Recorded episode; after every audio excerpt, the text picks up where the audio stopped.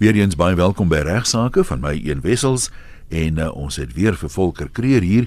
Lyk my die man weet genoeg dat ons gaan nooit sy kop leeg kry nie, Ignas. Ja, lyk my hy word nou al 'n instelling uh, luisteraars, maar baie dankie dat hy bereid is om uh, weer te kom help. Volker uh, is uh, saam met my daar by van Velden Duffy al vir baie jare 'n ware staatmaker en 'n baie harde werker en iemand wat baie deeglik voorberei en 'n ware spesialis op die gebied van uh boedels en dan ook kommersiële reg. En nou swaar ons hom graag by hierdie program aanwend. Volker, ons het uh verlede keer gesels oor alles en nog wat wat kommersiële reg betref en baie gekonsentreer op huurkontrakte en ook bietjie gesels oor die mense wat dink hulle is gewaarborg is dat hulle uitsig het wanneer hulle eiendom koop. Ek wil graag vandag bietjie iets heel anders met jou bespreek en dit is eerstens die hele kwessie die sogenaamde voetstootklousule want dit is seker Ek is nou litigasieprokureur. Die verreweg die meeste litigasie wat plaasvind uh, in in elke dorp in Suid-Afrika het te doen met mense wat eiendomme koop na na blyk dit daar dat daar ernstige gebreke is. Daar's gewone eh, voetsoosklausule in die meeste kontrakte wat bepaal dat 'n verkoper nie aanspreeklik is vir enige latente defekte nie of verborgde gebreke nie. Dis die mooier woorde daarvoor. Nou uh, beteken dit dan dat die verkoper glad nie vir hierdie verborgde gebreke gedagvaar kan word nie of is daar uitsonderings? Ek gaan ja, daar is uitsonderings indien die koper byvoorbeeld kan bewys dat die verkoper van die defekte bewus was en dit bedrieglik weggesteek het, sal hy wel kan eis. Ja, dis nou die ou wat die wat die huis nuut geverf het in die in die krake met polyfilla toegemaak het. Jy kan nie sien dat jy hond daar kan deursteek nie. Hy weet daarvan. Byvoorbeeld ja, of as daar daar gedak is wat lek en die verkoper het byvoorbeeld vir 5 jaar in die huis gebly, dan behoort die koper eintlik ook te kan bewys dat die verkoper geweet het van die lekkende dak en dan beskerm die voedselsklousule nie die verkoper nie. Ja, as die verkoper daar gebly het uh, vir 6 maande het dit nooit gereën in daai tyd nie en hy was nie bewus van nie, dan sou dit anders wees. Dis reg, ja. Het jy vir ons hofsaake waarin hierdie beginsel ter sprake gekom het om meer prakties vir die luisteraars te verduidelik? Ja, ek kan dalk verwys na die beslissing van Odendaal en Ferraris. Dis in 2009 gerapporteer en daar sê die uh, Hooggeregshof van Appel soos volg: waar 'n verkoper op 'n roekelose wyse net die helfte van die waarheid vertel of van die feite bewus is, maar dit nie openbaar omdat hy of sy nie die belangrikheid daarvan oorweeg het nie, kan dit ook op bedrog neerkom. Ja, met ander woorde ook net so halwe waarhede of roekeloos en eintlik en ek was hy veronderstel om te weet daarvan. Wat van die Ellis saak, die meer onlangse saak, dink is 2016 of 17? Ja, dieselfde beginsel was toe ook suksesvol toegepas in uh, die saak. Hier het die kopers 'n uh, houthuis gekoop en toe hulle met die restaureerwerk begin, het hulle agtergekom dat die vloer gesak het en die palle waarop die struktuur rus, sowel as die vloerbalke begin vrot het. Die hof het bevind dat die verkopers van die probleem geweet het en dit aan die kopers moes uitgewys het. Hulle versuim om dit te doen was genoeg om die werking van die voetstootsklausule uit te skakel. Die Kobus was dus suksesvol met hulle eis ten spyte van die voedselsklousule. En, en dan die die iPort Shepson saak, dit is ook 'n paar jaar gelede gewees, 'n uh, die Hydrix. Ja, die saak is nog 'n voorbeeld van waar die verkoper deur die werking van die um, voedselsklousule gered was. Op uh, 15 Augustus het die partye 'n koopkontrak vir 'n residensiële eiendom in Port Shepson geteken. Nadat die oordrag van die eiendom geregistreer was, het die koper ontdek dat die motorhuis 'n onwettige struktuur was omdat geen bouplanne daarvoor ingedien of goedgekeur was nie. Die koper het 'n eis ingestel vir betaling van 'n bedrag gebaseer op die koste vir die afbreek van die motorhuis en vervanging daarvan met 'n wettige een of alternatiefelik die verminderde waarde van die eiendom as gevolg van die afbreek van die struktuur. Die koper was egter onsuksesvol. Wat het die hof gesê? Ja, die hof het bevind dat alhoewel die afwesigheid van die statutêre goedkeuring vir die motorhuis op 'n latente defek neerkom waarvoor die verkoper normaalweg aanspreeklik sou wees, die voetstootsklausule in hierdie geval die verkoper beskerm. Die hof het uh, ook bevestig dat die verkoper nie bewus was van die defek nie. Indien die verkoper wel van die defek bewus was, sou die uitslag dus anders gewees het. So alles wat ons sover gesê het, volker beklemtoon net die ongelooflike belangrikheid van 'n voetstootsklausule en en die en dat mens baie mooi daarna moet kyk. Wat is jou advies aan kopers en verkopers? Ja, ek dink die saak herhaal weer eens die belangrikheid van 'n voetstootsklausule waar jy as verkoper optree by 'n transaksie. Dit beklemtoon ook die belangrikheid om alle defekte waarvan jy bewus is aan die koper te openbaar en in die kontrak te noem om sodoende spesifiek aanspreeklikheid daarvoor uit te sluit. En as jy vir die koper sou optree, dan is jy natuurlik aan die ander kant. Ehm um, as koper moet jy natuurlik probeer om die verkoper te oortuig om die voetstoosklousule liewers te skrap. Wat is die ander uitsondering, die belangrike uitsondering dink ek op hierdie reël van die voetstoosklousule wat uh, deur die Wet op Verbruikersbeskerming vir ons daar gestel word? Ja, ek nou dis nog 'n ander uh, uitsondering, dis die Wet op Verbruikersbeskerming 68 van 2008. Die uh, wet is van toepassing waar die verkoper eiendom in die normale omvang van sy besigheid verkoop. So dit is die toets. 'n Voorbeeld van so 'n uh, verkoper is byvoorbeeld 'n ontwikkelaar. Belangrik is om daarop te let dat eiendomsagente nie as verkopers onder die wet val nie aangesien hulle nie hulle eiendom eiendom verkoop nie, maar die van ander. Nou die rede vir die uitsondering is die geïmpliseerde waarborg van gehalte waarop verbruikers geregtig is in terme van die verbruikerswet wanneer hulle goedere by verskaffers koop.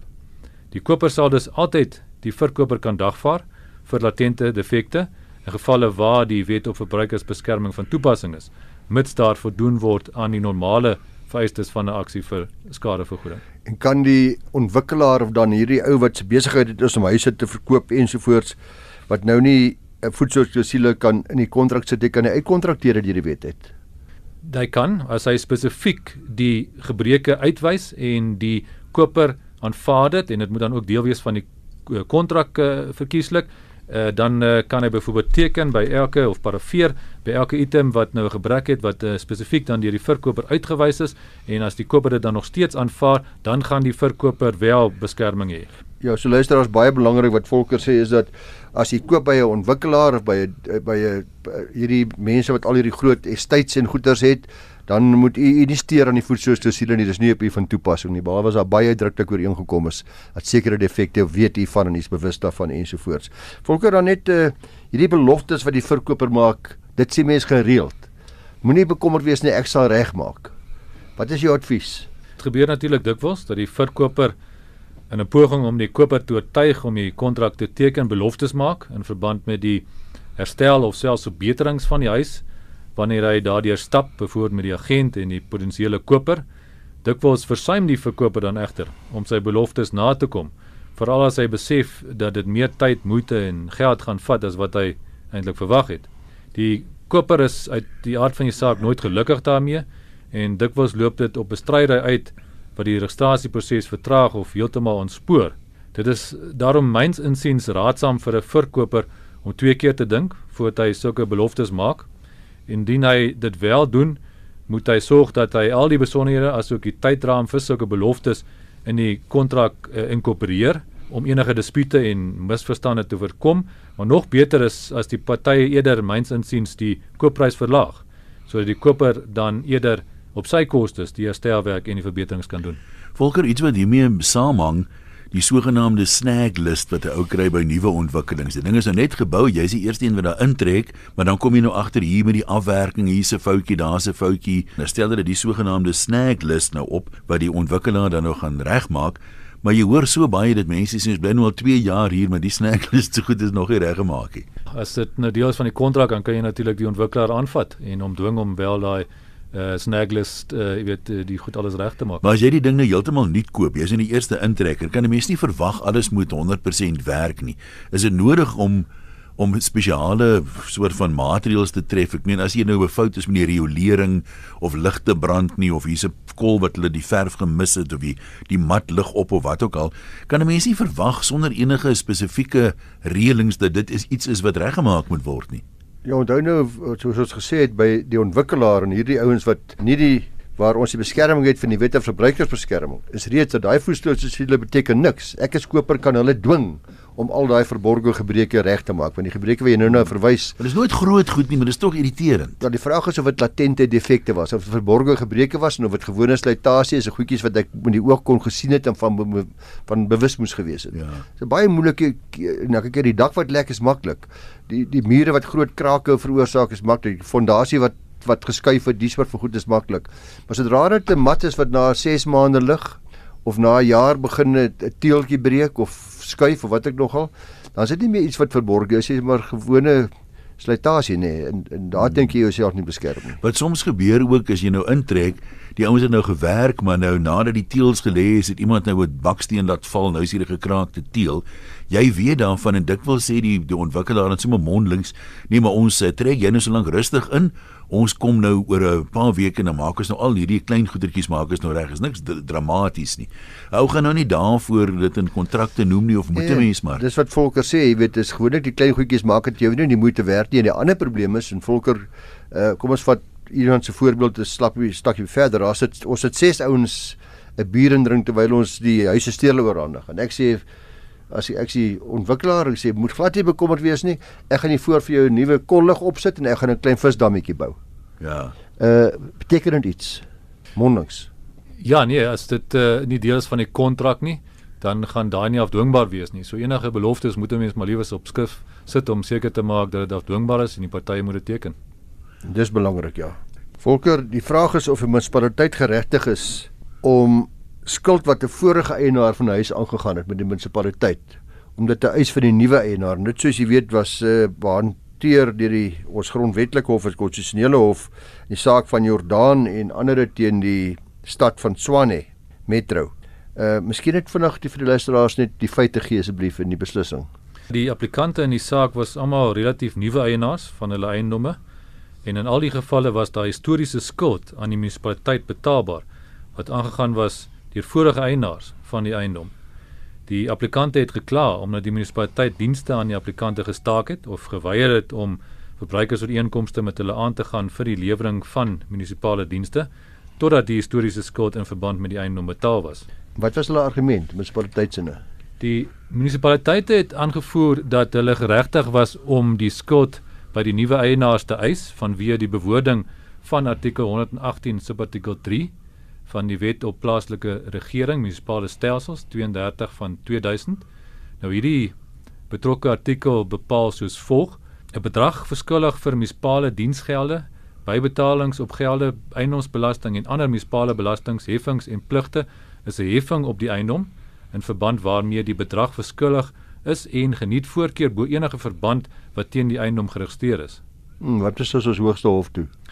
Die konstitusionele hof het in sy besluitnemingsproses na die oorsprong van die betrokke artikel gekyk omdat die historiese geskiedenis van die artikel insig oor die bedoeling agter die artikel gee. Die konstitusionele hof het tot die gevolgtrekking gekom dat die doel van die artikel was om oordrag van die eiendom met die uitstaande munisipale skulde te belet deurdat die skulde eers betaal moes word voordat die eiendom oorgedra kon word. Dit skep dus 'n preferente eis wat voorkeur kry tydens 'n skuldinvorderingsproses.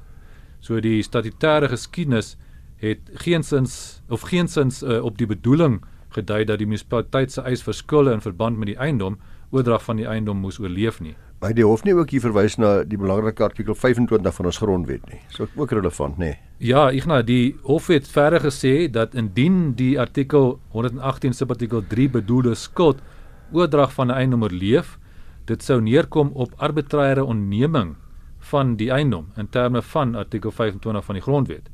Artikel 25 stel dit duidelik dat geen wet die arbitreëre onneming van eiendom mag bewerkstellig nie. So stel jouself voor jy koop 'n huis van 'n miljoen rand, maar die vorige eienaar het byvoorbeeld 200 000 rand aan die munisipaliteit geskuld. Jou eiendom sal vir alle praktiese doeleindes dan net 800 000 rand werd wees indien die skuld in terme van artikel 118 se artikel 3 oorgedra kan word na jou as nuwe eienaar. So dit kom eintlik neer op 'n arbitreëre onderneming. Ja, so luisteraars, die goeie nuus is dat 'n uh, nuwe eienaar van eiendom as jy gekoop het, jy's glad nie aanspreeklik vir die skulde wat ontstaan het voordat u oordrag van hierdie eiendom geneem het nie. Uh Volker, ek het gekoop en ek trek in die huis in, ek het okupasie geneem, maar die transport's nog nie deur nie en oogits, die verkoper kom tot sterwe. Wat is my situasie? Ja, ek nou 'n koopkontrak is as algemene reël afdwingbaar teen die boedel van 'n koper of 'n verkoper wat nou te sterwe kom. As die verkoper byvoorbeeld sterf nadat hy die ooreenkoms geteken het, sal sy eksekuteur oordrag van die eiendom aan die koper moet gee. Die eksekuteur sal dan geregtig wees om die koopprys namens die boedel te ontvang indien dit nog nie betaal is nie. So die uh, koopkontrak word uitgevoer. En as die koper sterf? Ja, as die koper sterf, sal die verkoper die eiendom aan die boedel van die koper moet oordra en sal die verkoper geregtig wees om die koopprys uit die boedel te ontvang indien dit nie reeds aan hom oorbetaal was nie. So die eiendom sal daarna die eksekuteur van die erfgename oorgedra word wie daarop geregtig is in terme van die testament of die beginsels van die intestate erfreg indien daar nou nie 'n testament sou wees nie. Hmm, jy het so 'n paar weke gelede toe ons nog boedels bespreek het vir ons verduidelik wat die formaliteitsvereistes vir 'n testament is. Eh uh, partye moet teken twee getuies ensovoorts elke bladsy parafeer. Wat is die geval van 'n koopkontrak van 'n onroerende eiendom, grond byvoorbeeld, waar uh, waar daar geen getuies geteken het nie? Ja, ek nou interessant genoeg uh, die formaliteitsvereistes vir die verkoop van grond uh, wat voorgeskryf word in die Wet op Vervreemding van Grond 68 van 1981 skryf nie voor dat daar uh, getuies moet wees nie. Die wet vereis net dat die kontrak op skrift moet wees en deur beide partye geteken moet wees. So dis wel praktyk dat getuies ook die kontrak teken wat uh, wel daar kan help om die handtekening van 'n party te bewys waar hy sou ontken dat hy die kontrak geteken het maar dit is nie 'n geldigheidsvereiste as sulks nie. Volker het vroeër nou vir ons gesê ek het skoon vergeet om te vra dat uh, jy is nie aanspreeklik vir die skulde van die vorige eienaar van die eiendom nie, maar wat is die posisie met die vorige met die munisipale rekening van jou huurder? Mense wat by jou huur, kan jy daarso risiko's loop as eienaar? Ja, die kort antwoord is ongelukkig vir huiseienaars ja. In die saak van uh, Real People Housing teen City of Johannesburg het die Suid-Gautengse Hooggeregshof weer eens bevestig dat 'n grondeienaar 'n statutêre verpligting het om alle kostes in verband met sy eiendom te betaal. Maar maar wat van die geval waar die huurder nou inderdaad gegaan het in die munisipaliteit toe, daai gewone ooreenkoms met hom aangegaan het en dan spreek ek dit aanvaar het. Ja, die bestaan van 'n sogenaamde consumer agreement of verbruikersooreenkoms tussen 'n grondeienaar en die munisipaliteit is nie 'n vereiste vir aanspreeklikheid nie. Die verantwoordelikheid om vir die dienste in verband met die eiendom te, te betaal spruit voort uit die eienaarskap van die eiendom as sulks. Die rede hiervoor is omdat alle risiko, voordeel en laste aan die grond kleef en die verantwoordelikheid van die eienaar word die oomblik wanneer hy die eienaarskap as sulks verkry. Nou in die real people housing saak het die eienaar sy eiendom aan 'n huurder verhuur. Die huurder het toe 'n verbruikersooreenkoms met die munisipaliteit aangegaan vir die lewering van water en elektrisiteit. Die huurder het agterstallig geraak en teen die tyd wat die dagvaarding teen die eienaar uitgereik was, was die uitstaande balans ongeveer 106 000 rand. Die eienaar het aangevoer dat dit nie hy was wat die verbruikersooreenkoms met die munisipaliteit aangegaan het nie, maar die huurder. Die Hooggeregshof het toe egter korrek uitgewys dat 'n verbruikersooreenkoms tussen die munisipaliteit en die eienaar nie nodig is nie. Weereens in terme van die munisipale reëls sê die hof en die ordonnansies is 'n eienaar aanspreeklik vir alle kostes in verband met sy eiendom ongeag daarvan of hy dit persoonlik gebruik het of nie.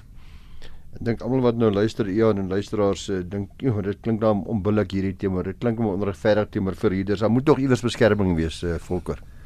Ja, gelukkig verskaf die selfde ordonnansies ook 'n verhaalsreg vir eienaars teenoor hulle huurders. So alhoewel beide partye dan gesamentlik aanspreeklik is, is dit hoogs onwaarskynlik ongelukkig vir die verhuurder dat die munisipaliteit regstappe teen die huurder sal neem in plaas van die eienaar. Dit is om omdat die eienaar bates in die vorm van die eiendom natuurlik het waarop beslag gelê kan word. Ja, en die huurder wat nie sy munisipale rekening betaal nie, is gewoonlik op sy einde. Hy is gewoonlik ook nie bates wat jy vir hom kan verhaal nie. So is nogal 'n probleem. Volker net laastens hieroor. Het jy advies vir luisteraars wat dit oorweeg om in die in die verhuuringsbesigheid betrokke te raak? Baie mense sê ek gaan nou begin huise verhuur, ek gaan huise koop en huise verhuur. Waarna moet hy mooi oplet? Ja, maak maar seker dat daar 'n klousule in jou huurkontrak uh, ingesluit word wat bepaal dat die huurder aanspreeklik is vir alle kostes in verband met munisipale dienste. Neem uh, egter kennis dat so 'n klousule nie 'n verweer teen die munisipaliteit sal wees nie. Dit sal jou egter wel help wanneer jy aksie teen die huurder neem. Ander advies is maar om gereeld navraag by die munisipaliteit oor agterstallige gelde op jou eiendom verskuldig te doen en dan maar dadelik aksie te neem teen die huurder as hy agterstallig raak. En nog 'n oplossing wat dalk maar die beste is, is om 'n sogenaamde prepaid meter wat deesdae redelik wyd beskikbaar is te laat installeer en wat dan ten minste ten opsigte van die kragverbruik sal sorg dat daar nie onaangename verrassings ja, is nie. Ja. Ek dink een ding wat vir huurders baie geneig is om te doen is om die koste van instandhouding van daai eiendom te onderskat Daar gebeur nou maar goed soos 'n 'n geyser wat bars wat vir die verhuurder se rekening gewoonlik is. Ek weet nie of mense dit in die huurkontrak kan inskryf nie, maar jy hoor baie van mense wat sê die verhuurder is ook nou nie en sy kontantvloei is nou so, jy het nou 'n ding gebreek, maar jy kan dit nie regmaak nie. Nou sloer dit en sloer dit en sloer dit. Ja, jy kan kontraktueel die verpligting om die perseel te onderhou afskuif op die huurder teen 'n verlaging van huur waarskynlik. Dis 'n opsie ja, wat mense kan oorweeg. Dikwels is dit maar net die klein herstelwerk soos die vervanging van gloeilampe en sulke goed ja. wat 'n mens afskuif na die huurder en die groter strukturele uh, onderhoud uh, bly gewoonlik maar by die verhuurder, maar jy sou dit uh, kontraktueel anders kan reël. Soms kry jy ook die verhuurder sê maar sit in Johannesburg en hy verhuur 'n eiendom by die see, so dis vir hom prakties baie moeilik, ja. weet om nou iemand te kry om dit te, die klein werkies te doen terwyl hy hier maklik 'n handyman kan stuur om gou dit te gaan doen. Ja, ek dink daar is 'n verhuuringsagent, 'n goeie verhuuringsagent nogal uh, belangrik. 'n uh, Goeie verhuuringsagent kan regtig sorg dat die skade dadelik uh, beperk word en die nodige stappe geneem word teen 'n huurder wat nie sy kant bring nie. Volker ons het vroeër gepraat oor huurkontrakte van wooneiendomme en gewoonlik sal daar 'n klousule wees wat sê daar is 'n deposito betaalbaar. Daai deposito is dan terugbetaalbaar teen die einde behalwe dat die deposito kan aangewend word vir skade wat aangerig is, byvoorbeeld sleuteldeposito's wat nie teruggegee word nie ensovoorts. Ek koppel dit ook aan die sogenaamde roukoop wat jy in ander kontrakte kry. Wat is roukoop? 'n uh, Roukoop is 'n uh, transaksie waar die koper die deposito deur hom betaal verbeur ten gunste van die verkoper waar die oordrag van die eiendom byvoorbeeld nie voortgaan voortgaan nie as gevolg van sy versuim. Goed, so anders as by huurkontrak gaan jy sy deposito terugkry behalwe as daar nou skade was en dit gaan nou eh, verhaal word uit daai deposito uit, maar in hierdie geval verloor hy dan sy volle deposito by roukoop. Ja, die idee van so 'n roukoop bepaling is om reeds voorsiening te maak vir skadevergoeding vir die verkoper na aanleiding van die koper se kontrakbreuk. Ongeag die bepalinge van die koopkontrak kan die koper egter in gevolge die wet op strafbedinge die hof nader vir terugbetaling van 'n gedeelte of selfs die hele deposito waaruit die hof kan oortuig dat die verkoper se skade minder was as die skade wat die verkoper gelei het of byvoorbeeld ook selfs dat hy geen skade gelei het in watter geval hy dan suksesvol die volle deposito sal kan terugreis. Die bewyslas rus in die verband egter op die koper. So uh, as verkoper stel dit jou in 'n baie sterker posisie as daar so roukoopbepaling in die kontrak is. Nog 'n saak wat groot emosie en groot hartseer en groot uh, litigasie veroorsaak is die hele kwessie van aanhegtings aan my vaste eiendom, my huis wat ek koop of my woonstel of wat ek nog op my plaas. Wanneer word aanhegtings aan die eiendom by die koop en verkoop daarvan ingesluit en wanneer is dit uitgesluit? Die basiese beginsels is gegee in die saak van McDonald teen uh, Raiden and the Potchefstroom Diaries and Industries. En die saak is bevind dat daar drie vrae is wat gevra moet word. Eerstens is die relevante aanhegting van so 'n aard dat dit deel van die onroerende eiendom vorm. Tweedens is dit fisies vasgesit en dan ook derdens is dit die bedoeling dat dit permanent aan die eiendom vas moet wees. So die sleutelvraag is dus of 'n item bedoel is om permanent deel te word van die spesifieke eiendom of nie. En dit klink natuurlik lekker maklik en dit klink eenvoudig, maar ongelukkig weet ons nou in praktyk uh, is dit soos baie ander dinge in die reg nie so maklik nie en uh, nog heel dikwels litigasie, maar volke praat bietjie met my oor satellietskottels en oor uh, kroegstoeltjies byvoorbeeld en uh die swembad net, al die soort van dinge. Ja, ek stem saam. Ongelukkig is dit nie altyd so eenvoudig soos wat ons dit graag sou wil hê nie. So byvoorbeeld was daar besluit in die saak van Seneca teen Rood 1983 gerapporteer dat losstaande kroegstole wat deel gevorm het van 'n ingeboude kroegblad 'n integrale deel van die kroeg was en dus bedoel was om permanente aanhegtings te wees. Al is al was hulle natuurlik nou nie fisies aangeheg aan die eiendom nie. Ja, en as jy nou mooi daaroor dink in die lig van daai drie uh faktore wat jy vir ons genoem het wat uitkom uit die uh Raiden saak, die Potchefstroom Dairies, is dit was tog die bedoeling as ek 'n kroeg inbou dat die stoeltjies deel van 'n kroeg met dieselfde hout, dieselfde patrone ensovoorts, nê. Dis 'n baie basis. Dis reg, ja. Die dieselfde beginsel geld ook vir 'n swembad nie byvoorbeeld wat spesifiek ontwerp was om die swembad te pas of uh, byvoorbeeld volvloermatte wat spesifiek gesny is om by die vloerplan van 'n vertrek te pas. So al is hulle nie fisies aangeheg aan die eiendom, is dit duidelik dat die bedoeling is dat dit 'n permanente aanhegting tot die eiendom is. Maar antennes, skottels Ja, DStv antennes en satellietskottels is is nie permanente aanhegtings nie. Al is dit vasgesit aan die eiendom. Uh dit is in die verband duidelik dat die eienaar se bedoeling was om die antenne of skottel saam met sy dekodeerder of televisie te neem as hy sou trek. Dit vorm dus nie integrale deel van die eiendom as sulks nie, maar as deel van die reël roerende bate. So luisteraars, prokureurs moet ook lewe, maar aan die ander kant uh, uh, wil ek vir sê asseblief tog moenie uh, die kanse vat wanneer jy eiendomme koop nie en soos Volker nou gesê het, dis 100 keer beter om liewers in elke koopkontrak van 'n eiendom spesifiek te gaan kyk en seker te maak dat daardie dwergie wat daar voor in die tuin staan of daardie waterbak of daar laat daar geen misverstande is nie. Jy sluit hom in of jy sluit hom uit en jy maak seker dat die verkoper vir jou sê dit en dit en dat wil ek uitgesluit hê sodat dit in die kontrak behoorlik skriftelik gemeld word en dan eh, dan bly almal vriende na die tyd. Dit is alwaar vir ons gaan tyd hê vandag. Ek weet nie jy het in die verlede al kontak besonderhede gegee Volker, maar daar's altyd mense wat dit gemis het. Kan jy dalk vir oulaas vir ons sê as iemand vir jou e-pos wil stuur waar jy in die hande kan kry? Ja, dankie Jan. My e-posadres is volker@ffd.co.za. Die volker is V O L K E R. Dis dit vir vandag se regsaake. Onthou dat al die regsaake programme is ook as potgoeie beskikbaar op rsg.co.za. So as jy nie half 12 op 'n maandag kan luister nie, kan jy enige tyd weer daar gaan kyk. Mooi loop, ons praat volgende week weer.